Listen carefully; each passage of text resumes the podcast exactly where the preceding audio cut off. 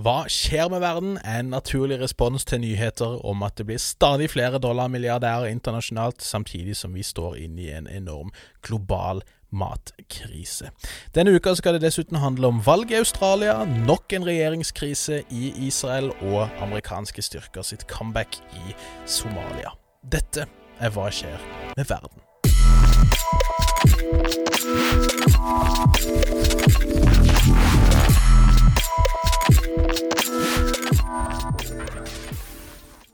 Hei og hjertelig velkommen til en ny episode av podkasten Hva skjer med verden? Denne podden for deg som er interessert i det som foregår innen internasjonal politikk, krig, fred og røre et sted midt innimellom der. Mitt navn er som alltid Bjørnar Østby. Med meg har jeg som alltid Nick Brandal. Eh, hjertelig god mandags formiddag så vidt til deg, Nick. God eh, mandag, Bjørnar. Og siden vi sist uh, uke gratulerte Liverpool med å ha vunnet Midtøsten-cupen, så får vi gratulere Manchester City med å ha vunnet uh, det ordentlige seriespillet. Det, det, får vi uh, gjøre. Vi har masse greier vi skal igjennom, så jeg tror vi bare druser i gang med vår ukentlige roundup.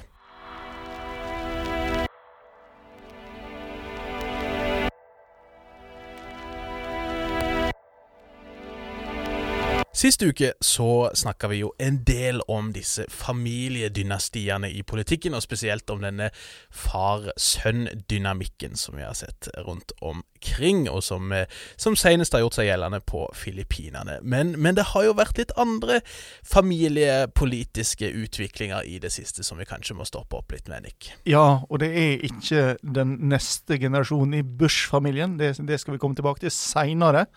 Det, det, er nemlig en ny Bush på vei i Texas nå.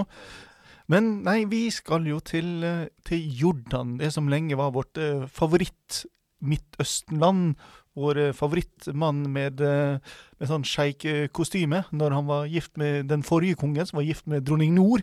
Som var liksom sånn Hollywood-stjerneaktig. Det stemmer. Men, eh, men, nå har det blitt Jo, det er fortsatt litt Hollywood over det, men, eh, men, det er ikke lenger en sånn der eh, romkom-film. Nå er det mer et, et, familiedrama. Ja, kanskje til og med såpeopera. Vi, vi skal nemlig da til Jordan, hvor Jordans kong Abdullah nå har satt sin halvbror prins Hamza i husarrest.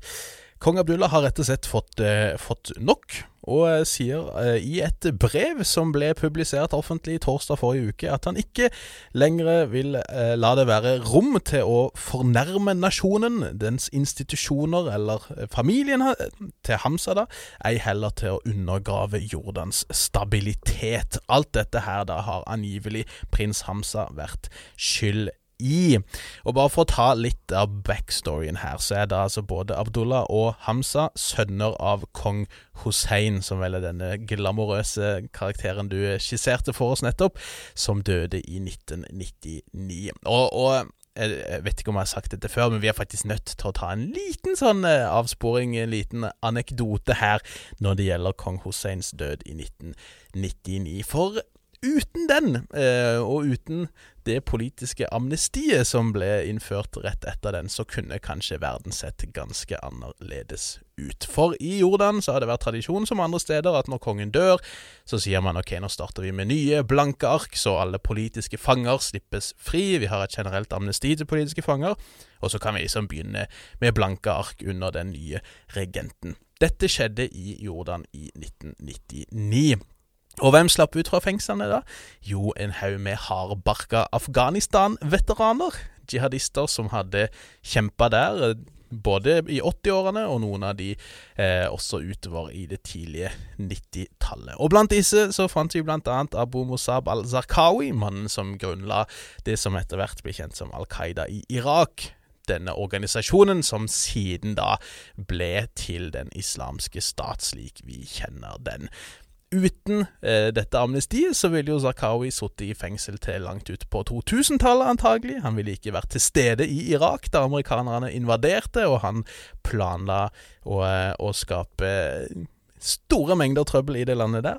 Men takket være dette amnestiet så slapp han ut i 1999. Han dro til Afghanistan, etablerte seg der, før han etter hvert da dro til Irak i påvente av en amerikansk invasjon. And the rest, as they say, is history. Så en liten, liten avsporing der. Men For å gå tilbake til disse halvbrødrene og, og dette, denne såpeoperaen her, så hadde kong Abdullah opprinnelig da gjort sin halvbror til kronprins da han eh, tok over eh, håper å si kongeembetet, men over tid så har det, det, gått stadig dårligere, får vi si, med dette forholdet de imellom. Og etter hvert så endte Abdullah opp med å fjerne Hamza fra kronprinsrollen, og satt inn sin egen sønn i stedet, apropos far-sønn-dynamikker.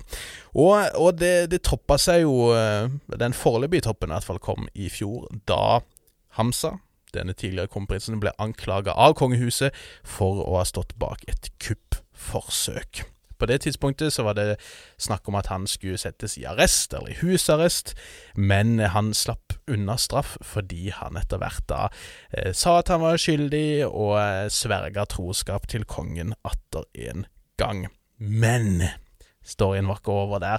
Sist måned så sa Hamza at han ikke lenger eh, ville være kongelig, ikke lenger ville være en del av denne kongefamilien, fordi han ikke lenger kunne forsone sine egne overbevisninger med landets institusjoner. Og dette ble jo ikke spesielt godt mottatt av kongefamilien, som da eh, forklarte at det kun er kongen som har lov til å fjerne disse titlene. Det kan ikke folk bare gjøre på eget initiativ. Og dette kulminerte da i et ganske så krast brev som ble publisert torsdag forrige uke, hvor eh, kong Abdullah sa at vi ikke kommer til å tillate at Jordan blir holdt som gissel av en som ikke har gjort noen ting for å tjene sitt eget land.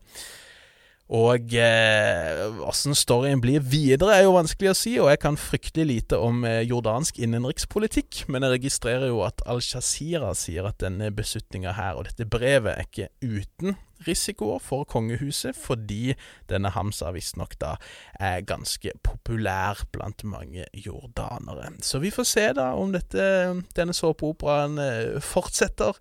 Vi skal følge med så godt vi kan. Og så må jeg jo beklage i denne far-sønn-dynamikkrekka vår at jeg ikke snakka om Uganda, for også der har vi et eksempel, potensielt da, på en, en sønn som i hvert fall vil forsøke å følge i sin fars fotspor. I Uganda så har jo Yoweri Museveni sittet med makta i 36 år nå, siden 1986. Og det er først valg igjen i 2026, når han da vel er blitt 82 år, om jeg ikke har regnet helt feil. Og hans sønn, generalløytnant Mohosi Kainerugaba, han har nå begynt å eh, signalisere at han, eh, han, tenker å lansere sin egen eh, presidentkampanje nå etter hvert. Og som sagt så er det ikke noe valg han kan stille i før i 2026, men denne mannen, som i praksis er sjef for militæret, egentlig, og som har gått ut og sagt at han mener det Putin gjør i Ukraina er helt rett og forståelig. Han kan nok møte en del hindre på den veien der. Én ting er jo om papsen sjøl er villig til å gi seg i såpass høy alder, eller om han vil prøve å fortsette dette showet sitt, men jeg så jo mange latterliggjorde en Det var vel en Reuters-artikkel, tror jeg, der det sto at han may face opposition. Og det, det, er ikke noe han kan støte på. Han kommer utvilsomt til å støte på ganske så massiv motstand i, i befolkninga. Jeg så en ugandisk ekspert som sa at liksom, i, i, i, et eh, scenario hvor man faktisk har et reelt valg, så, så kan han umulig vinne, fordi at det er såpass mange som er møkk lei av dette dynastiet, eller dette potensielle dynastiet. De er lei av Moseveni, de ønsker å begynne på nytt, og, og da skal det nok vanskeliggjøres for Mohosi da å å vinne et eventuelt valg. Så er det så klart ikke sikkert at det blir noe reelt valg. Det hadde jo ikke vært noen, noe sjokk, det, kanskje, men, eh, men, det vil jo tiden vise. Så, så av disse heteste far-sønn duoene så er det kanskje Kambodsja som kommer før nå, med Hun Sen og hans sønn, som har en litt sånn lignende karriere som Museveni sin sønn. Men, men det, det, får vi rett og slett bare følge spent med på, Nick. Ja, og et land som har hatt et reelt valg, var Australia. Og de valgte jo å kvitte seg med sittende eh, politisk leder, Scott Morrison. Mannen som du har sagt er en av internasjonal politikks største sjarlataner? Ja, og det står jeg fast på.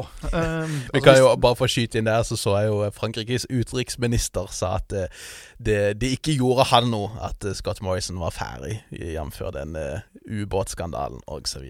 Nei, altså, Scott Morrisons karriere før han ble leder for Det konservative partiet og dernest statsminister, besto vel stort sett i å blir sparka som uh, sjef for uh, turistbyrået i en av de australske delstatene. Det er vel det man kaller 'failing upwards', som, som dessverre er en rød tråd blant mange, mange, politikere i dag. Definitivt. Uh, men i alle fall, han har allerede gått av, og han har blitt erstatta av sosialdemokraten Anthony Albanese, eller Albanese, avhengig av hvordan man vil uttale det. Vi regner jo med han er av italiensk eh, herkomst, så kanskje det er Albanese. Albanese. Eh, som har blitt tatt i EU som ny statsminister, sjøl om eh, regjeringa ikke er helt klart. fordi i Australia så er det obligatorisk å stemme. Og det er ganske mange som bor usentralt, og de stemmer via post. Så 2,7 millioner stemmer av rundt er det 27 eller noe sånt, eh, er ennå ikke talt opp. Så hvordan flertallet ser ut, veit ikke vi. Det kan hende han kan styre med et flertall alene i Arbeiderpartiet. Eller det kan hende han må gå inn i en koalisjon. Mm. Når det gjelder hva slags politikkforhandlinger vi vil få, så vil det nok mest bli synlig i miljøpolitikken. Under Scott Morrison har jo Australia blitt en av verstingene eh, globalt. Eh, både fordi de har sabotert stort sett eh, alt de har kunnet av internasjonale klimaforhandlinger, sist på COP i Glasgow. Eh, og også fordi de har satsa tungt på kullkraft og på å bygge nye kullkraftverk. De skal ikke bare skalere ned, de skal ikke bare beholde det de har. De, de har faktisk gått inn for å bygge nye. Her, her vil nok skje betydelige forandringer. De har hatt ganske bøs innvandringspolitikk også, for å si det mildt. Så. Ja, der, men der er det nok mer uklart uh, hvor ja. mye forandringer som vil komme. Det blir nok litt mer nyanser av det samme. Ja, eh, Biden, Trump til Biden er vel kanskje en, en god, god, sammenligning. Ja. Det, ikke, det, vil ikke bli uh, sånn uh, kumbaya, uh, åpne dører, la, la, alle komme til meg-holdning her. Nei, nei, nei. Og så skal jo Albanese få sin internasjonale debut allerede på tirsdag. For da skal det møtes i denne Quad-gruppa i, i, Tokyo. Så da møter han jo da Biden og de andre sentrale aktørene i, i regionen. Og sikkerhetspolitisk eh, kan vi nok ikke vente de helt store forandringene. Eh, men det vil nok bli en litt større vektlegging av multilateralisme, og eh, da ikke bare forhold til altså, stormaktene, eh, Storbritannia og USA, som Morrison har gjort, men mer jobb imot, imot FN og, og, med de andre landene i regionen, og kanskje først og fremst et tettere samarbeid med New Zealand og Lucinda Ahern, som også da er sosialdemokrat. Mm. Det er jo Det føles som det er få ting vi har snakka mer om enn eh, Israel og eh, dysfunksjonelle regjeringer, eh, Nick. Og, og vi har snakka om 1000 valg cirka, for forsøk på å etablere en regjering. Man lyktes jo til slutt med en regjering ledet av Naftali Bennett, men også den har jo støtt på noen eh, aldri så små skjær i den mye omtalte sjøen, får vi si, i det siste. Ja, så Nå har jo vi begge vokst opp i, i miljø, det hører dere jo kanskje på dialektene våre, der Israel, der Israel nærmest framstår som ei nabobygd. det er helt så, riktig. Eh, så ja, det er på en måte naturlig å snakke mye om Israel. Men ja. det har jo vært mange valg. Og mm. nå har vi jo gått den lengste perioden på ja, hvor lenge det er da, sju-åtte år eller noe sånt, uten et nytt valg. Uh, og Syv-åtte måneder. Ja. 28 måneder. No, jo, men altså, sju-åtte år nærmest ja, ja. før. For det har jo vært valg på valg på valg. på stemmer, valg. Stemmer, fordi stemmer. man har slitt med å få stabile koalisjoner. Og så for åtte måneder siden så fikk man da til å samle åtte parti i en koalisjon som hadde én ting til felles. De vil bli kvitt Benjamin Netanyahu. Ja, og det påpekte jo du tilbake i den tida der også, at et sånt utgangspunkt det er sjelden et utgangspunkt for en stabil koalisjon, for å si det sånn. Det er det definitivt ikke, og de eh, mista jo eh, det første medlemmet sitt for eh, flere uker siden. Det var da et eh, medlem av et av de konservative partiene som trakk seg fra denne, fra denne koalisjonen, fra Jamina-partiet. Eh, Og, og, og så slutta seg egentlig til Netanyahu-fraksjonen, eh, så da var de jo nede på eh, 60. Og så for seks uker siden så trakk jo, eller så suspenderte det arabiske Ram-partiet deltakelsen sin pga. sammenstøt mellom palestinere og israelske sikkerhetsstyrker rundt Al-Aqsa-moskeen. Under ramadan, ja. Under ramadan, ja. Eh, og så kom de tilbake igjen for noen eh, dager siden og sa at OK, da, vi, vi begynner igjen. Men etter drapet på journalisten Shirin Abu Akle, som vi snakka om sist gang, så var det da et nytt medlem av koalisjonen som trakk seg. Det var den palestinsk-israelske Gaida Rinavi Zuabi fra det sosialistiske Meretz-partiet som trakk seg ut på, på torsdag. Det, det handler dels om dette drapet og oppstyret i begravelsen, som eh, også i Israel vakte en ganske stor oppsikt. Og, og sjøl Biden og USA protesterte jo og sa at jeg, jeg er jo ikke sikker på at dette var en god idé. Mm. Eh, men, eh, og, det, og, det, gjorde jo da at koalisjonen nå var nede på 59 av 120 representanter. Altså Teknisk sett har de blitt en mindretallsregjering. Ja. Eh, og Netanyahu så jo eh, straks eh, muligheter, så han begynte jo da å dra på besøk til familiene etter drepte, drepte, soldater og lignende for å få medieoppmerksomhet. Men um, i går, søndag, så kunngjorde Zoabi at hun trakk tilbake utmeldinga, og hun hadde jo før det sagt at hun ikke kom til å stemme for et mistillitsforslag heller. Så, så, inntil videre så lever da denne regjeringa videre. Problemet er at den er upopulær. På meningsmålingene så er så er Bennett faktisk ute av parlamentet. Eh, og Netanyahu er den suverent mest populære politikeren i Israel. Ja. Nå, nå, sier ikke det så mye, for det er ikke så mange av de som er så veldig populære. Ei heller Netanyahu. men han er mer populær enn de andre som er veldig, veldig upopulære.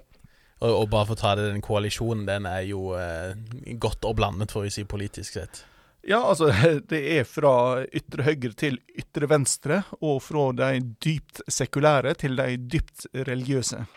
Selv om tyngdepunktet ligger på høyresida, eh, så har eh, Bennett som statsminister prøvd å være en sånn sentristisk statsmann. og Det er jo en del av grunnen til at partiet hans er upopulært. fordi velgerne hans ligger definitivt ikke i sentrum. Nei. Altså, De ligger nok eh, i sak nærmere Netanyahu enn noe annet, men de liker jo da ikke Netanyahu. Nei. Samtidig som de heller ikke liker å sammenligne med samarbeid med sosialister og arabere. Så har jo eh, Netanyahu og hans parti begynt å forberede seg, som sagt. Eh, og det fremste virkemidlet der er å være imot alt regjeringa foreslår, sjøl om det også står i Netanyahu sitt eget partiprogram. Det siste nå var jo et eh, forslag om eh, å opprette studiestipend for eh, soldater, altså de som hadde eh, gjort tjeneste i den israelske hæren. Og eh, det å stemme imot dette, som er eh, veldig populært i Israel, det er veldig populært blant velgerne til Netanyahu, har jo utløst en liten krise i, eh, i, dette partiet også. Eh, de er ikke enige om de faktisk skal stemme for det, eller imot det, rett og slett. Mm. Så, og, så, dette var jo liksom første gode nyheter for regjeringa. De hadde klart å lage et problem for Netanyahu. Og det kom jo da samt, samme dagen som da du fikk den siste utmeldinga. Før du nå fikk ei ny innmelding. Så um, ja. Apropos såpeopera, så er det nok å ta her, for å si det sånn. Og, og ja, det Igjen, ingen ekspert på israelsk innenrikspolitikk, men jeg syns det er vanskelig å se hvordan det her skal overleve så veldig mye lenger. Og så, kan vi jo for så vidt også nevne, bare når det gjelder dette med, med dette um, drapet på den al-Shazira-journalisten Israel har nå gått ut og sagt at de ikke kommer til å granske dette drapet, og eh, det er jo svært lite overraskende, dessverre. Og, og, det har jo vært en ganske sånn typisk sekvens for at eh, Nei, det var nok palestinerne som drepte henne, til at det er en veldig uoversiktlig situasjon, vi er ikke helt sikre, til vi gidder ikke å lete, for vi bryr oss ikke, basically. Og det, det, understreker jo bare det vi sa sist, med at dette her er symptomer på en, en kultur, eh, dels politisk og spesielt i militæret, der der lovbrudd og potensielle krigsforbrytelser ikke får eh, konsekvenser, rett og slett. Det er en kultur prega av straffefrihet, mer eller mindre, som tyder på en aksept for slike ting fra det øverste politiske hold. Så det er jo eh, tragisk, men dessverre ikke spesielt overraskende. Ja, det, det, er jo en sak vi ikke tok opp for noen uker siden. Det, det kom en viktig prinsippdom fra israelsk høyesterett om eh, Forsvarets rett til å, å eh, rett og slett beslaglegge, eh, annektere området til bruk for militære skytefelt. De hadde jo da tatt ganske mange palestinske områder. og det, Denne saka hadde gått i domstolene i Israel i jeg tror sju-åtte år. Og der vant da Forsvaret. De har nå rett til å bare anlegge skytefelt der de vil, og kaste ut palestinerne som bor der. Ja. Og samtidig som Bennett også prøver å få bygd masse nye bosetninger osv. Så, videre. så more ja. of the same, dessverre. Ja, og eh, Netanyahu sin eh, framtidige kampanje er basert på lov og orden, som betyr at eh, de skal kaste ut enda flere palestinere. Ja, det er, det er, sånn det går, dessverre. Og en liten Netanyahu-tradisjon, får vi si, det er jo å, å ta denne kampen mot Iran inn i Iran med ymse attentater. Og til nå har det jo stort sett vært attentater og forsøk mot type ledende vitenskapsfolk i Iran, men eh, nå har det skjedd noe litt annet, Nick. Ja, eh, altså litt annet og litt annet. Det var en ganske klassisk eh, måte å ta ut eh, iranere på. To menn på motorsykkel meier ned eh, oberst Sayad Kodai i den iranske revolusjonsgarden i Teheran på søndag.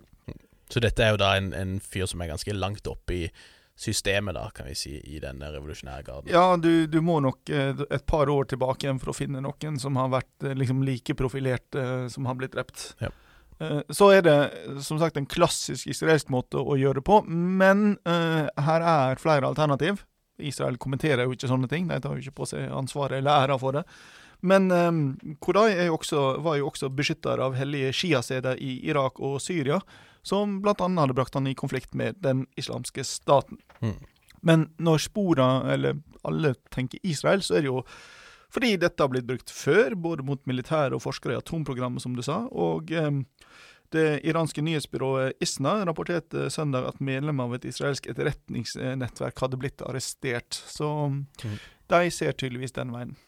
Ja, og det, det er jo ikke så rart, det, kanskje. Men, men jeg ser jo mange eh, undrer seg over hvor, eh, hvor eh, langt inn i jeg, det iranske si, sikkerhetsapparatet det virker som israelerne har greid å, å infiltrere seg over, over tid her. Så kan, jeg tenker vi kan anta at Iran kommer, eller pro-iranske militser i Irak kommer til å geine noen missiler mot en eller annen amerikansk base, som i praksis er en irakisk base. Det er stort sett eh, den vante gangen etter noe sånt skjer, så, så, det antar jeg vi kommer til å snakke om neste uke. Um, Nick, vi, vi, kommer jo stadig tilbake til farvann utenfor eh, Kina, og eh, også der har det vært noen, uh, noen ganske Ikke kanskje eksplosive utviklinger, men utviklinger som har et visst potensial til å skape gnisninger, for å si det mildt. Ja, og det handler om gassressurser. Det er jo noe som har blitt eh, aktualisert eh, de siste seks, sju, åtte, ni ukene siden en viss invasjon i et visst land, som vi skal komme tilbake til. Ja. Eh, det er jo dette området mellom Kina og Japan. Øst-Kina-havet, som det også blir kalt. Og, og, her har Japan og Kina vært uenige om hvor grensa går, eh, hvor stort territorialfarvann begge landene kan ha. Um, og så gikk, inngikk de avtale i 2008 uh, eh, om at de måtte samarbeide i utnyttinga av naturressursene inntil de eventuelt skulle klare å bli enige. Så stoppa dette samarbeidet opp i 2010, men uh, det har liksom bare blitt liggende. Ingen har gjort noe med det før Kina i forrige uke plutselig utplasserte 17 rigger eh, som skulle begynne å bore etter, etter gass. Hei. Og De sto sånn teknisk sett på, på den kinesiske side av denne her sånn midtlinjegrensa, eh, eh, men da med kapasitet til å bore seg inn på den japanske sida. Ja. Um, og eh, dette ble jo, det ble jo levert en formell protest, og det høres kanskje ikke så voldsomt ut, men i diplomatiske språk så er dette jamgodt med å banne høyt og tydelig. uh, og dette vil nok da bli tema når denne Quad-gruppa skal møtes i Tokyo, som, som vi allerede har nevnt, uh, denne veka. Og um, i det hele tatt så vil nok det møtet handle om Kina i bunn og grunn. Og dette faller jo inn i et mønster der Kina har begynt å bli mer aggressive når det gjelder å hevde suverenitet i, i sjøområder eh, rundt Kina. Mm. Ja, og det, vi har jo snakka før om Sør-Kina-havet og, og, de mange omstridte områdene der. og sant? Det er ikke bare med Japan at Kina har konflikter, men med Vietnam og andre.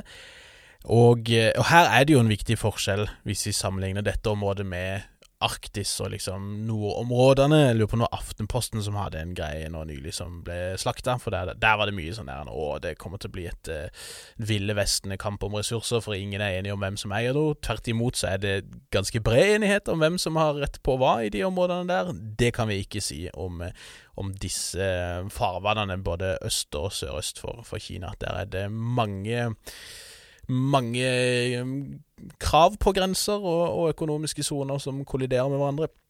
Og, og, det kommer jo ikke til å bli bedre av dette her, akkurat.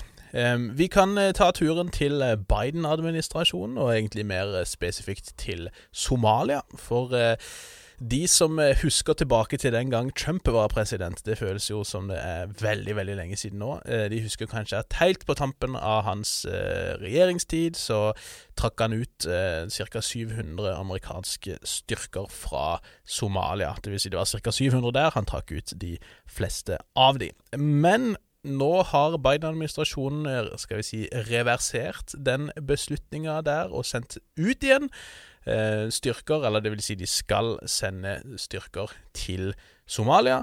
Dels virker det som på invitasjon fra Somalias nye president også, i da kampen nok en gang mot Al Shabaab. Jeg, jeg, blir jo nå litt spent på om kommentaravdelinga i VG, som har vært veldig kritisk til det å drive og reversere det den forrige regjeringa har gjort når det gjelder Jonas Gahr Støre, også kommer til å være kritisk til Bidens reversering av uh, Trump-politikken. Det hadde overraska meg. Ok. eh, men det er jo så klart, det kommer så klart opp. Å ja, men jeg trodde vi skulle trekke oss ut fra Afghanistan og være ferdig med dette her. Hvorfor skal vi nå inn igjen i Somalia? Da, da, da, det, det, kommer jo, og så er det så klart noen tullinger som eh, på denne skrotvenstre som vi snakker om, som er det sånn Å, mens alle ser på Ukraina, så har USA invadert Somalia. Og så er det sånn For det første, du greier ikke å invadere en dritt med 450 soldater, som det kanskje snakker om her. Bare spør Mad Mick Håre. dette, for de uinnvidde, dette er en fyr som stort sett har levd av å eh, reise private hærer som han har brukt, brukt til å gjøre eh, eh, kuppforsøk i afrikanske land med høgst varierende suksess. Helt riktig. Og eh, for det første så greier du ikke å invadere noe med en så liten styrke. For det andre så er jo dette noe som somaliske myndigheter sier de ønsker velkommen, og vil anta at de nok også har eh, bedt om assistanse fordi at uh, denne krigen mot Al Shabaab har gått heller dårlig, for å si det sånn. Og, og så klart Nettopp det poenget òg gjør jo at en, en, litt mer skal vi si, seriøs og gjennomtenkt kritikk kommer fra annet hold, bl.a. fra noen i International Crisis Groups som mener at dette her neppe er spesielt klokt. Spesielt gitt at um, samtidig med at man fikk klarering til å sende ut styrker, så var, også, var, det også tydelig at noe av mandatet var å jage x antall liksom, navngitte Al Shabaab-ledere, som man mente da hadde klare bånd til Al Qaida. Og, og har, man har prøvd å ta ledere i, i Al Shabaab og andre steder i liksom typ 15 år nå, uten at det har lyktes med å gjøre noen ting, egentlig. Og, og denne her såkalte decapitation strikes, som man gjerne kaller det, med å prøve å gå etter ledere i terrororganisasjoner, det har jo eh, rett og slett ikke fungert spesielt godt i, i noen tilfeller, egentlig. Og, og, det er lite som tyder på at det vil gjøre stor forskjell her. og, og Litt av kritikken går jo på at USA potensielt også kan ha bidratt til å bare forlenge denne krigen, og, og potensielt også da egentlig bare hjulpet Al Shabaab med å rekruttere enda flere til sin kamp. Det er jo ikke så godt å si, det kan ikke jeg nok om selv, men eh, ja, vi får se. Det er klart det, det, det vil kunne hjelpe somaliske myndigheter, kanskje, men, men eh, jeg ville ikke holdt pusten og venta på en eh, militær løsning på det problemet der. Og så har jo du, helt avslutningsvis i roundupen, Nick, en, en dårlig eller god nyhet, avhengig av hvor du står, kanskje. Ja, hvis du har vært bekymra for hvor vanskelig det har vært for verdens rikeste nå når vi har hatt pandemi, så kan du slappe godt av. Ja. Det, det, har gått bra. Det er godt å høre. Faktisk så har vi eh, siden 2020 fått 570 flere dollarmilliardærer. Yes. Og, og på verdensbasis så er vi nå oppe i 2668 slike. Og eh, ikke bare det, men disse eier også en stadig større del av den globale økonomien. I, ved tusenårsskiftet, altså for litt over 20 år siden, så eide dollarmilliardærene 4,4% av rikdommen i verden. Og i dag har eh, dette tallet økt til 13,9 Mens antallet duster av disse har økt til ca. 90 ja, altså dette er jo Jeg, jeg er ikke sikker på om uh, vi har fått uh, hvordan oligarkene går inn her, altså de russiske etter sanksjonene, om uh, de har fått med dette. Men det, det er altså Oxfam som har lagt fram denne rapporten. Og de kontrasterer da dette med at nå er det en kvart milliard mennesker som står i fare for å synke ned i ekstrem fattigdom. Vi står overfor økende matvarepriser, som vi skal komme tilbake til. Vi har global energikrise. Eh, og den sosiale ulikheten øker også i de rike landene i Vesten. Mm. Og eh, Oxfam sin rapport eh, krever da at statene nå må gå sammen, samarbeide og skattlegge selskap og de superrike på en annen måte, og sørge for rettferdig omfordeling for å løse de store problemene vi står overfor. Så skal denne rapporten legges fram eh, på World Economic Forum i Davos. Dere vet den der organisasjonen som Børge Brende leder. Eh, og så får vi da se om eh, noen på dette møtet tar opp eh, hansken. Eh, det var jo her eh, var det Bregman, historikeren, som for noen år siden, før pandemien, sa at å, å sitte på denne konferansen, det var som å være på en Eh, konferanse om brann, der ingen snakka om vann. Altså mm. den mhm. åpenbare løsninga for å uh, løse brann. Uh, så la oss si det slik. Hvis noen foreslår høyere skatter, og denne forsamlinga skal finne løsninger, så holder ikke jeg pusten mens jeg venter på det. altså.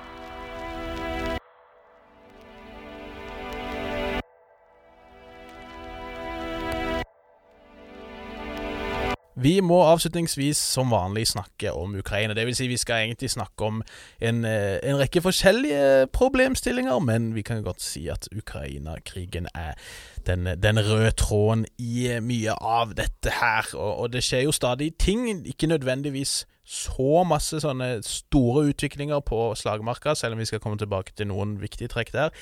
Men en av de store nyhetene, Nick, det er jo at Putin endelig har diska opp med sine egne sanksjoner mot eh, 963 amerikanere.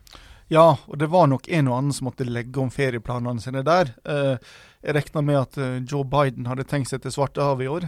Det kan han bare glemme. Ikke noe Dacha ved Sotsji? Nei, nei, nei, Samme med Kamala Harris. Men, Litt trist. Men det er en som fortsatt kan besøke Er det fortsatt et Trump-hotell i Moskva?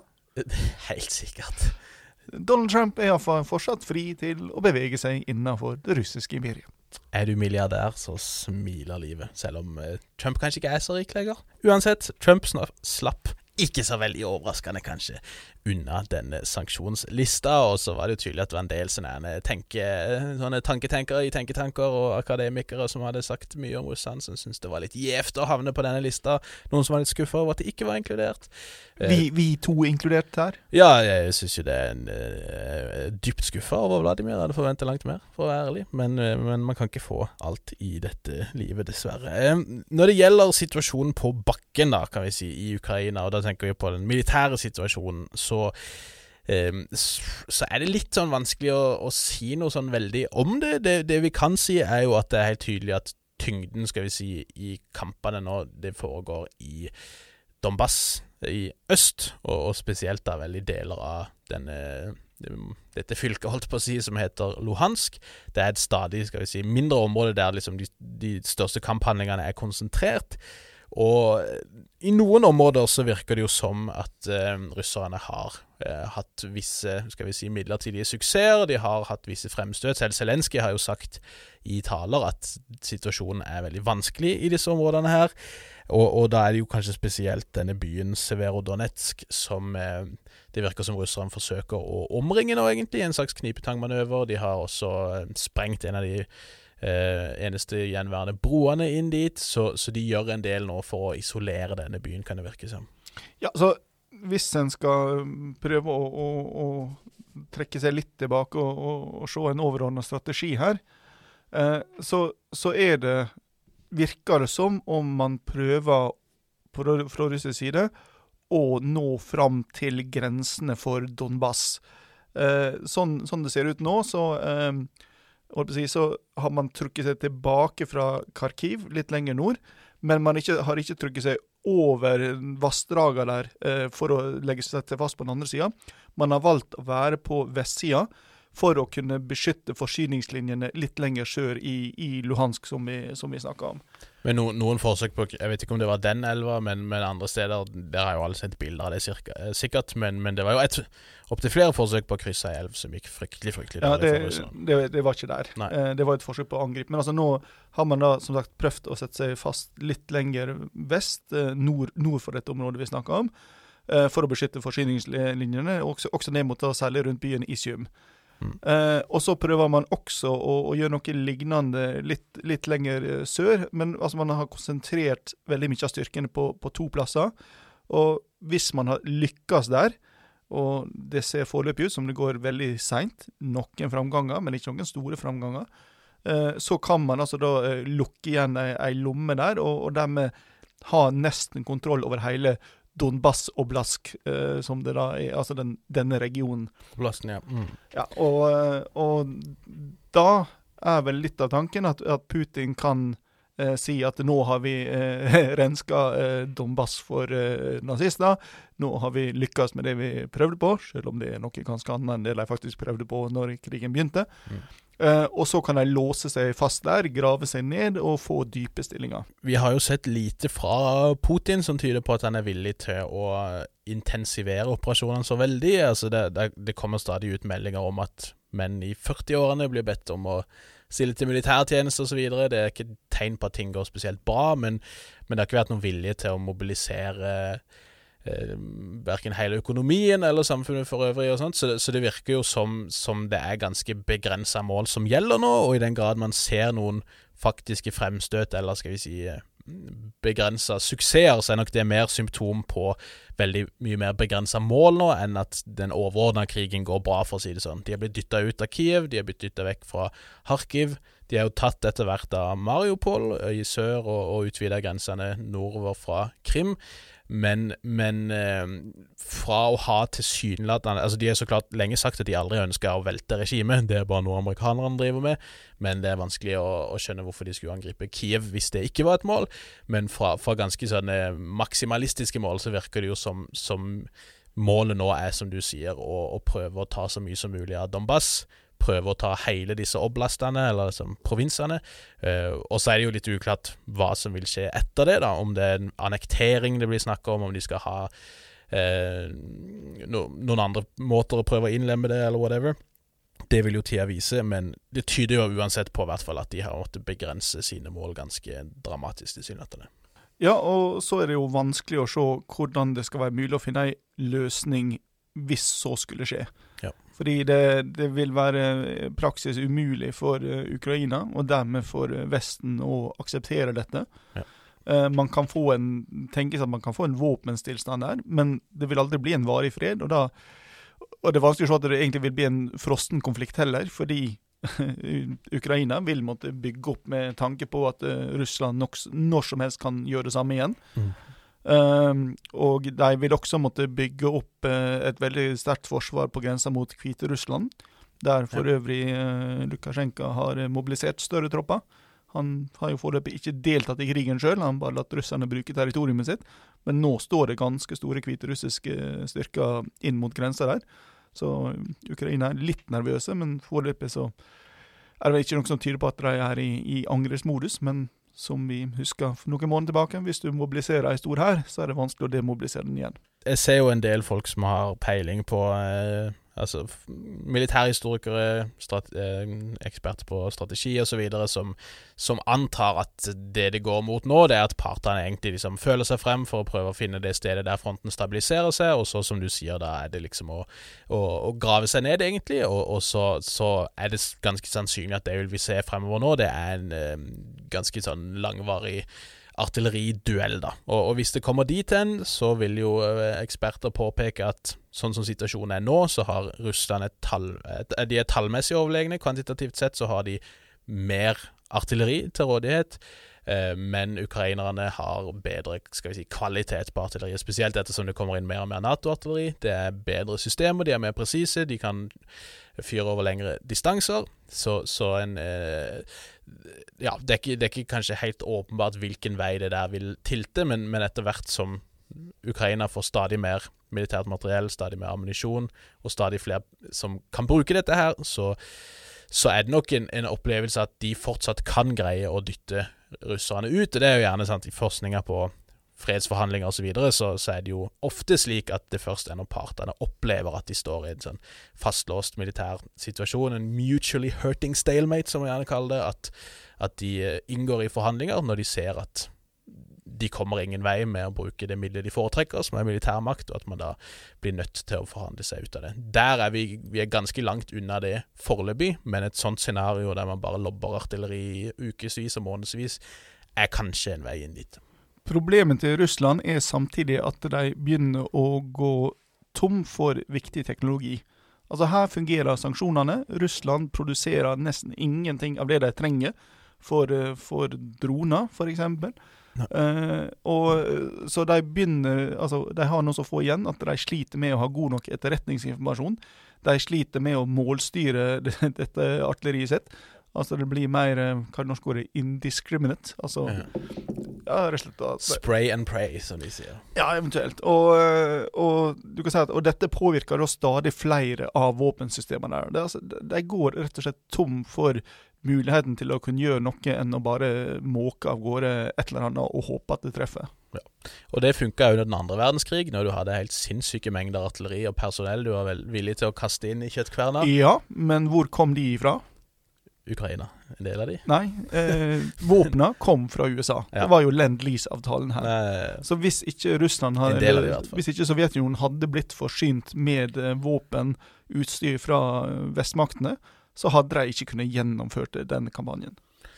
Det er ikke sant. Så there you have it. Men uh, det er samtidig da en del rapporter, og, og for så vidt dokumentasjon også, da, av uh, ukrainske angrep bak russiske linjer. Noe av det er nok spesialstyrker, noe av det er sabotører, men, men i noen tilfeller virker det å være mer eller mindre organisert. Uh, ja, skal vi kalle det geriljakampanjer, da. Insurgency. Ja, for å bruke det korrekte ordet i den denne regionen, det er partisankrig. Rett og slett.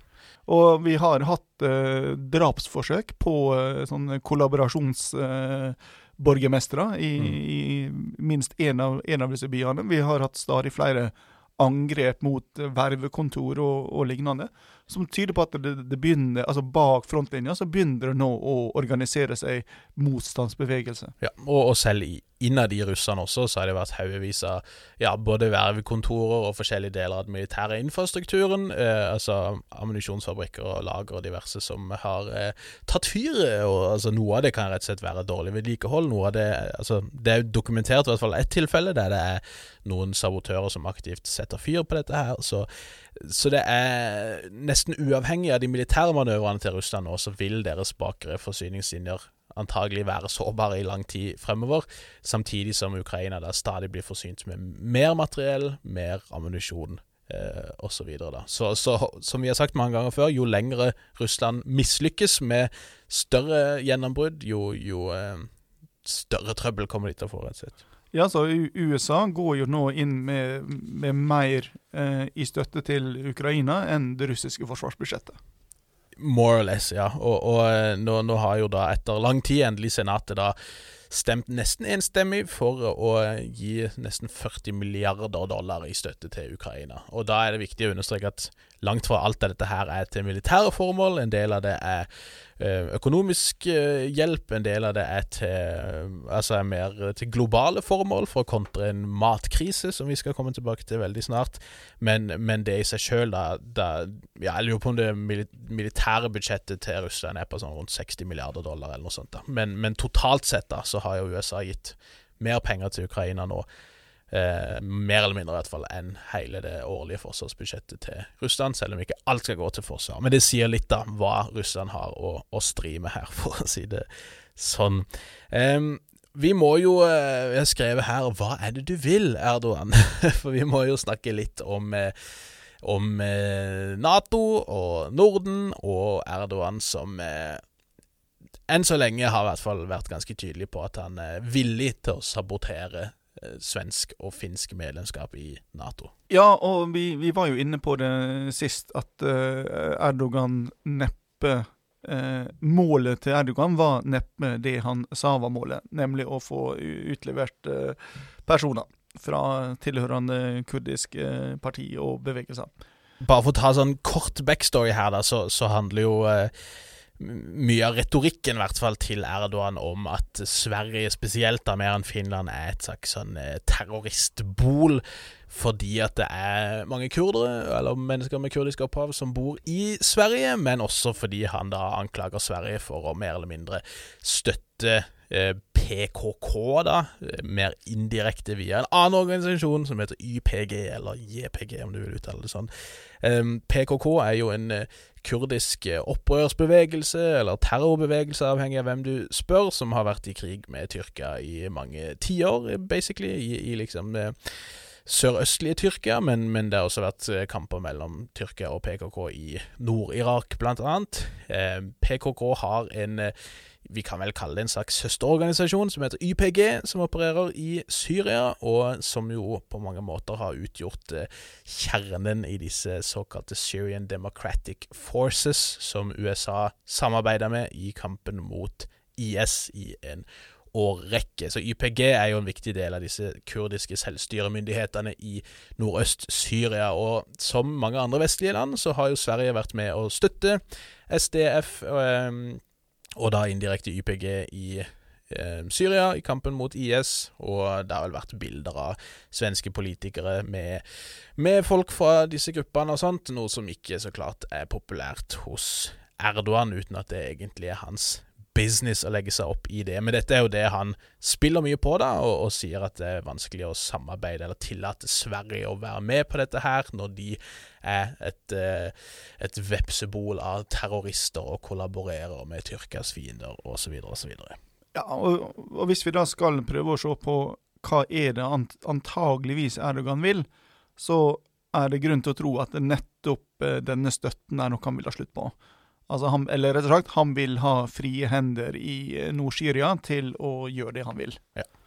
Ja. og det inkluderer jo også da at Sverige, så vidt jeg forstår, tar et våpenembargo på plass mot Tyrkia. Så Sverige har, eh, rett og slett forpliktet seg til å ikke selge militært materiell av forskjellige sorter til Tyrkia, og det er jo kanskje også noe av det han eh, han ønsker å få en slutt på her. Og så vet nok Erdogan også at hvis han skaper nok kvalme, så er det nok USA som vil komme på banen og prøve å forhandle mellom han og disse nordiske landene, og da kan han kanskje også tyne ut litt innrømmelser på en eller annen måte da fra USA, om det er med tanke på å kjøpe jagerfly, eller hva det måtte være der, da. Ja, fordi Tyrkia har nemlig blitt hivd ut av F-35-prosjektet. Ja. Eh, så nå vil de vel kjøpe flere F-16-er, lurer jeg på. Um, samtidig som de kjøper antiluftskyts fra Russland, som jo skapte en aldri så liten krise for noen år siden, det også. Uh, det, men, men, dette her er jo liksom etter hvert ganske gjenkjennelig fra Erdogan. Han har en tendens til å fabrikkere kriser for å få det som han vil, rett og slett for å utpresse sine samarbeidsland, egentlig. Og det gjelder jo eksempel med hvordan han har prøvd å utpresse EU gang etter gang ved å si at dersom EU ikke gjør sånn og sånn, så kommer jeg til å åpne dørene for 3,5 eh, millioner syriske flyktninger og si vær så god, eh, reis inn i EU, så skal vi se hvor godt dere liker det. Og da får han jo det ofte som han vil da ved å gjøre det. Så i stedet for å gå formelle ruter gjennom institusjoner, så går han gjerne rett på beslutningstagere, skaper en eller annen krise, eller i hvert fall skaper mye hodebry, og så får han det stort sett som han vil, og det han vil, er ikke nødvendigvis det han sier alltid. Ja, problemet med F-35 handler ikke om militært, det handler om økonomi. Fordi dette er altså de landene som deltar i F-35-samarbeidet, altså som forplikter seg til å kjøpe dette jagerflyet, får delta i utviklinga og får uh, levere deler til dette flyet. Og for Tyrkia, som er i økonomisk dyp krise, så er dette særdeles viktig. Det er tilgang, som sagt, på teknologi, det er arbeidsplasser, det er penger eh, som vil komme inn i den tyrkiske økonomien. Og bli kasta ut derfra var der, derfor egentlig ganske kritisk. Ja. Uh, vi har snakka altfor lite om uh, hvor elendig det går med den uh, tyrkiske økonomien, men det er jo skyhøy inflasjon og en valuta som har dalt drastisk i verdi over tid. Men, men, det får vi kanskje ta en annen gang. Men det er jo, det er jo ganske sånn klare innenrikspolitiske issues på begge sider av saken her. Det har vi snakka mye om, at mye utenrikspolitikk handler om innenrikspolitikk. I, I Sveriges tilfelle så er jo jeg håper siden sosialdemokratiske side er ganske avhengige av stemmer fra svenske kurdere. Skjønte at den regjeringa ble jo til slutt danna takket være én eh, kurdisk eh, et kurdisk medlem langt ute på venstresida som på en måte bikka flertallet til slutt, så vidt jeg har skjønt. Og, og, eh, de er jo avhengige av, av, støtte, rett og slett, fra, fra den kurdiske diasporaen. Og, og, bør nok derfor tenke seg om ganske mye før de eventuelt skulle gått med på å liksom, utlevere folk, og det, det, ser jeg ikke for meg vil skje. Men ditto for Erdogan, hvis han, om han så bare skaper en del styr uten å til syvende og sist blokkere det, så kan han jo få litt kred på hjemmebane blant nasjonalistene der for å vise at han, han, står tross alt på kravene og gjør det han kunne, og så, så måtte det kanskje bare bli som det ble til slutt, da. Så avslutningsvis så skal vi kanskje snakke om den kanskje mest omfattende konsekvensene av at det pågår en krig i Ukraina nettopp nå. Nemlig at vi er på vei inn i en global matkrise. Som ikke bare handler om Ukraina, som vi skal komme tilbake til. Ja, det er såpass eh, alvorlig det som foregår globalt nå, at eh, Sikkerhetsrådet til og med hadde et møte om det i uka som var. Og da, da snakker man rett og slett om da, en global matkrise. Og det handler jo eh, ikke utelukkende om ting som har foregått i år. Det handler til dels om, om nye tall for fjoråret, der anslagsvis 140 millioner mennesker levde med matusikkerhet i 2021, som er en dramatisk vekst der fra 2020, og et tall som da antagelig har blitt vesentlig høyere eh, over eh, tid. Det vil si det var rekordmange som var sultne i fjor. Eh, tallet i år er jo enda høyere. Nå snakker man om altså I dette sikkerhetsrådsmøtet så ble det nevnt tall med opp mot 400 millioner mennesker som opplever matusikkerhet akkurat nå. 44 millioner som lider av sult, som da er på en måte det mer, på det mer ekstreme sida av spekteret, fordelt da på 38 forskjellige land. Så altså 400 millioner med matusikkerhet, 44 millioner som lider av sult. Og man frykter jo at i verste fall en ganske stor andel av de 44 millionene kan rett og slett dø av sult dersom, dersom ting fortsetter i den retninga det går. Og, og, det er jo Det blir jo påpekt helt riktig at dette her er et produkt av mange forskjellige ting. Det er eh, dels et produkt av pandemien og økonomiske problemer knyttet til den. Det er dels et resultat av en vekst av konflikter også de siste årene, som jo er kjent for å skape problemer, og som gjør at mange åpenbart ikke har anledning til å dyrke landet, f.eks. Eh, men det er jo også da til dels et produkt av eh, krigen i Ukraina. Og, og eh, det ble nevnt i dette møtet at Ukraina alene, hvis de liksom eh, greier å kjøre den vanlige eksporten sin av korn, så kan de alene forsyne noe sånt som 400 millioner mennesker. Det gjør de åpenbart ikke i dag. Eh, men, men, for å gjøre det enda verre, å si, så er det jo eh, Russland også en av de viktigste eksportørene. Det har vi snakka om før, og, og i dette eh, I et møte så blir jo snakka her om at Ukraina og Russland sammen da forsyner ca. 30% av verdens korn, nesten 70% av verdens solsikkeolje. Ganske basale produkter som, eh, som da åpenbart er i manko nå og får mange problemer på mange kanter. Og, og nå var jo Zelenskyj sjøl ute og sa her nylig at eh, takket være den russiske blokaden, altså at det er russiske skip på Svartehavet som, som hindrer eksport fra ukrainske havner, så ligger det nå noe sånt som 22 millioner tonn i ukrainske havner. Korn som kunne blitt eksportert, men som er stuck der. Og der Ukraina kunne eksportere noe sånt som 5 millioner tonn i måneden før, så har de nå bare greid noe sånt som 500 000 tonn da i det siste. Ja, og EU jobber jo beinhardt med å prøve å finne alternative måter. og men sjøl der så er det altså maksimalt de kan eksportere uten å få åpna disse havnene igjen, er kanskje én million tonn. Ja. Altså vi, vi, er da altså nede på en femtedel av, av det som de normalt sett ville ha sendt. Ja. Og så blir det jo ikke bedre at, som vi nevnte sist uke, at India har måttet redusere sine egne eksporter. Egentlig, altså De sa de forbød eksport, men land kan søke om å importere derfra, inkludert da Egypt og Tyrkia, som har gjort det allerede. Men, men det at mange så til India som en slags redning her, eh, det gjør det jo ikke lettere når da India viser seg å ikke kunne, kunne være den, eh, den eh, redningsmannen eller kvinnen eller landet på dette tidspunktet her. Og i tillegg til bare den generelle mangelen da på korn som, eh, som eh, forskjellige land har vært avhengig av å importere, så har vi jo også innslag av ekstremtørke rundt omkring.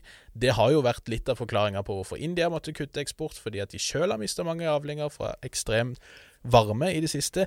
Men spesielt i Øst-Afrika nå så pågår det jo en av de verste tørkene på det snakkes om 40 år. Det har vært eh, dårlig nedbør i flere år på rad nå. Og det gjør jo da at de, nyeste tallene nå sier at 20 millioner i Øst-Afrika, da fordelt på Somalia, Nord-Kenya og store deler av Etiopia, eh, de går mot ekstrem hunger, og mange av de risikerer faktisk å dø av sult dersom det ikke skjer noe. Og Dette kommer jo oppå da den menneskeskapte sultkatastrofen i Nord-Etiopia, i Tigray, som vi har snakka om tidligere, som et resultat av en statlig blokade der. Um, og dette handler jo igjen da ikke kun om mangel på regn eller mangel på import, men det handler til dels om at prisene på, på korn og matvarer har økt dramatisk. Også det til dels pga. pandemi og pga. krig. Eh, det handler mye om Ukraina, men det handler også mye om mangel på støtte fra donorer. Rett og slett mangel på funding. Ja, og der har vi jo sett nå bare fra de siste to ukene at Norge har kutta i sitt reviderte statsbudsjett. Ja.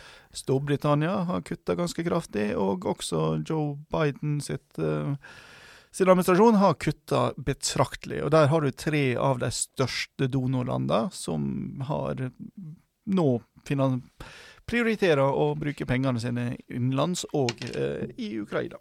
Og det, det ser vi jo eh, veldig tydelig når vi ser på, på de faktiske tallene både i Øst-Afrika og også i Sahel, hvor det også pågår en, en krise. Både som en konsekvens av klimaendringer og tørke og konflikt. Og Det er jo vanlig at eh, humanitære aktører, og gjerne da spesielt UN-OCHA, dette kontoret for koordinering av humanitært arbeid som FN har, at de da publiserer en såkalt humanitarian appeal, der de da sier at vi, vi ber donorer om så og så mye penger for å hjelpe så og så mange. Og Ofte så sier de jo at x antall millioner trenger hjelp, vi prøver å nå si 70% av disse, og til det så trenger vi så og så mye penger fra stater og andre donorer. Og når det gjelder eh, Somalia, Nord-Kenya og Etiopia, så har denne appealen der vært på 4,4 milliarder dollar. I Somalias tilfelle, hvor det anses at 7,7 millioner mennesker trenger hjelp, så er det kun nå 4 av eh, denne appealen som er blitt dekt av, eh, av, donorer. Så mer eller mindre ingenting, rett og slett. Veldig langt unna det som faktisk trengs. Og det skal sies at deler av dette handler også om om politikk. Altså, eh, en del av de områdene som lider mest, er områder som har blitt marginalisert politisk. I noen tilfeller er det snakk om kontraterrorlovgivning, som gjør det vanskelig for humanitære aktører å sende inn eh, nødhjelp til områder hvor Al Shabaab har kontroll, f.eks.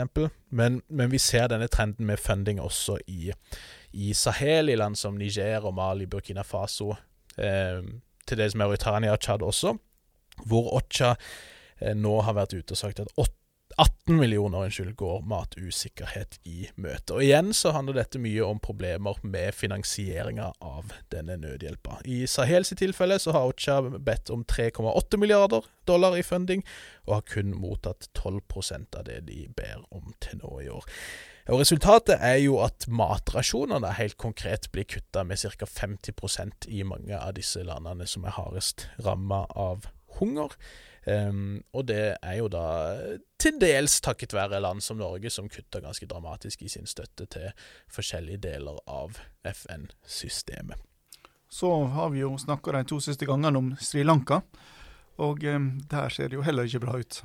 Nei, og du, du ser jo mye av det samme med matusikkerhet også i Sri Lanka. Og det skal si, der, så, der, der handler nok problemet enda mer om beslutninger utført av eh, myndighetene i landet. For Sri Lanka har tradisjonelt vært mer eller mindre selvforsynt med mat, selv med sine jeg vet ikke om det var 22 millioner innbyggere ca. Men eh, nå har det vært flere artikler i eh, både Reuters og Al Jazeera om, eh, om, hvordan folk rett og slett frykter at de kommer til å gå tom for mat nå på Sri Lanka. Og av, altså En av hovedårsakene virker å være at myndighetene i fjor, i mai i fjor, beslutta å forby kunstgjødsel og type sånn plantevernmidler og pesticides, um, for da å skulle gjøre jordbruket mer organisk. Og, og, det kan godt tenkes at, at formålet her var Altså at det var, det var, gjort med de beste intensjoner, for eh, både jordmannet sin egen skyld, holdt på å si, men, men det er også snakk om Al-Jazeera skrev om hvordan det var en, en, mystisk sykdom blant mange bønder som man lurte på hadde å gjøre med eh, eksponering for liksom, nitrat, holdt på å si, i kunstgjødsel over lang tid. Da. Så det kan godt hende at eh, Motivene her var gode, men problemet var bare at myndighetene ikke sjøl økte produksjonen av andre alternativer, som er organisk gjødsel. Og eh, det var ikke noe subsidier det var snakk om, de importerte ikke andre former for næring til jorda osv., som gjorde at bøndene i praksis da ble overlatt til seg sjøl for å fikse disse tingene. Oppå dette her så har jo Sri Lanka gått mer eller mindre tom for drivstoff etter hvert, pga. mangel på import, som igjen skyldes en ekstrem økonomisk krise. Og alt dette her har jo gjort at jordbrukere og jordbruket mer generelt har lidd voldsomt. Og, og, til nå i år så er det noen estimater der ute på at risproduksjonen har gått ned med nesten 50% bare altså til nå i år, i et land der ris så klart er, er en av de viktigste eh, næringsveiene, kan du si, for eh, altså mat næringsvei. Det høres ut som økonomi. You get it. Um, og, og, i fjor da så importerte man si, kun 14 000 tonn med, med, ris. I år har det vært snakk om opptil 300 000 allerede. Men nå begynner snart utenlandsreservene og, og uh, utenlandsk valuta å gå tom. Så det blir stadig vanskeligere. Og myndighetene har jo etter hvert skjønt at det ikke funka. Dette forbudet mot kunstgjødsel har reversert det men det virker å være for lite for seint, rett og slett. Og, og, eh, jeg ser flere eksperter si at det er vanskelig å forstå hvordan man skal greie. Sant? De har vel 1,8 milliarder dollar i utenlandske reserver totalt nå. Um, Gjødselprisene har økt voldsomt, i tillegg til at matpriser har økt voldsomt. Det har ikke jeg fått med meg, men land som Hviterussland og Russland og Kina har kutta veldig i gjødseleksporten, som jo har gjort at de prisene har steget. Og, og, eh, når det er to millioner bønder som da trenger forsyninger, så er det ikke så godt å se hvordan dette skal gå. Og eh, det er snakk om at matprisene, altså matinflasjonen, er på 30% nå. Det er snakk om at man eh, snart altså Det var en av politikerne som sa at vi er i praksis tom for drivstoff. Det høres ut som de snart er tom for mat. Så det er jo en, en ekstrem krise, egentlig, som vi så klart ser null og niks om i norske medier. Dette, Bjørnar, tror jeg kanskje er den mest deprimerende episoden vi har eh, laga. Så vi bør kanskje avslutte med å gi alle som har klart å følge oss så langt, et råd. Kanskje det er på tide med et abonnement på Disney pluss. det som vi har sagt, vi må støtte kapitalistene der de er, eh, sånn at de kan fortsette å bli mange milliardærer, disse folkene. Og da er jo det én måte å gjøre det på. Ja, nå tenkte jeg jo på at eh, den mentale helse også kan ha godt av å se litt lykke, at ting går bra av og til. Det, det, er noe med det. Med det så, så tror jeg vi skal gi oss før det blir altfor mørkt, dette her. Um, takk for at dere har uh, fulgt med, dere som har holdt ut helt til nå. Det er som vanlig bare å ta kontakt med oss på uh, hvaskjermedverden.no hvis dere har spørsmål eller kommentarer. Uh, lik og del og uh, review gjerne og sånt. Det setter vi jo pris på. Og så sier jeg takk til deg, Nick. Sjøl takk, Bjørnar. Takk for oss. Vi snakkes.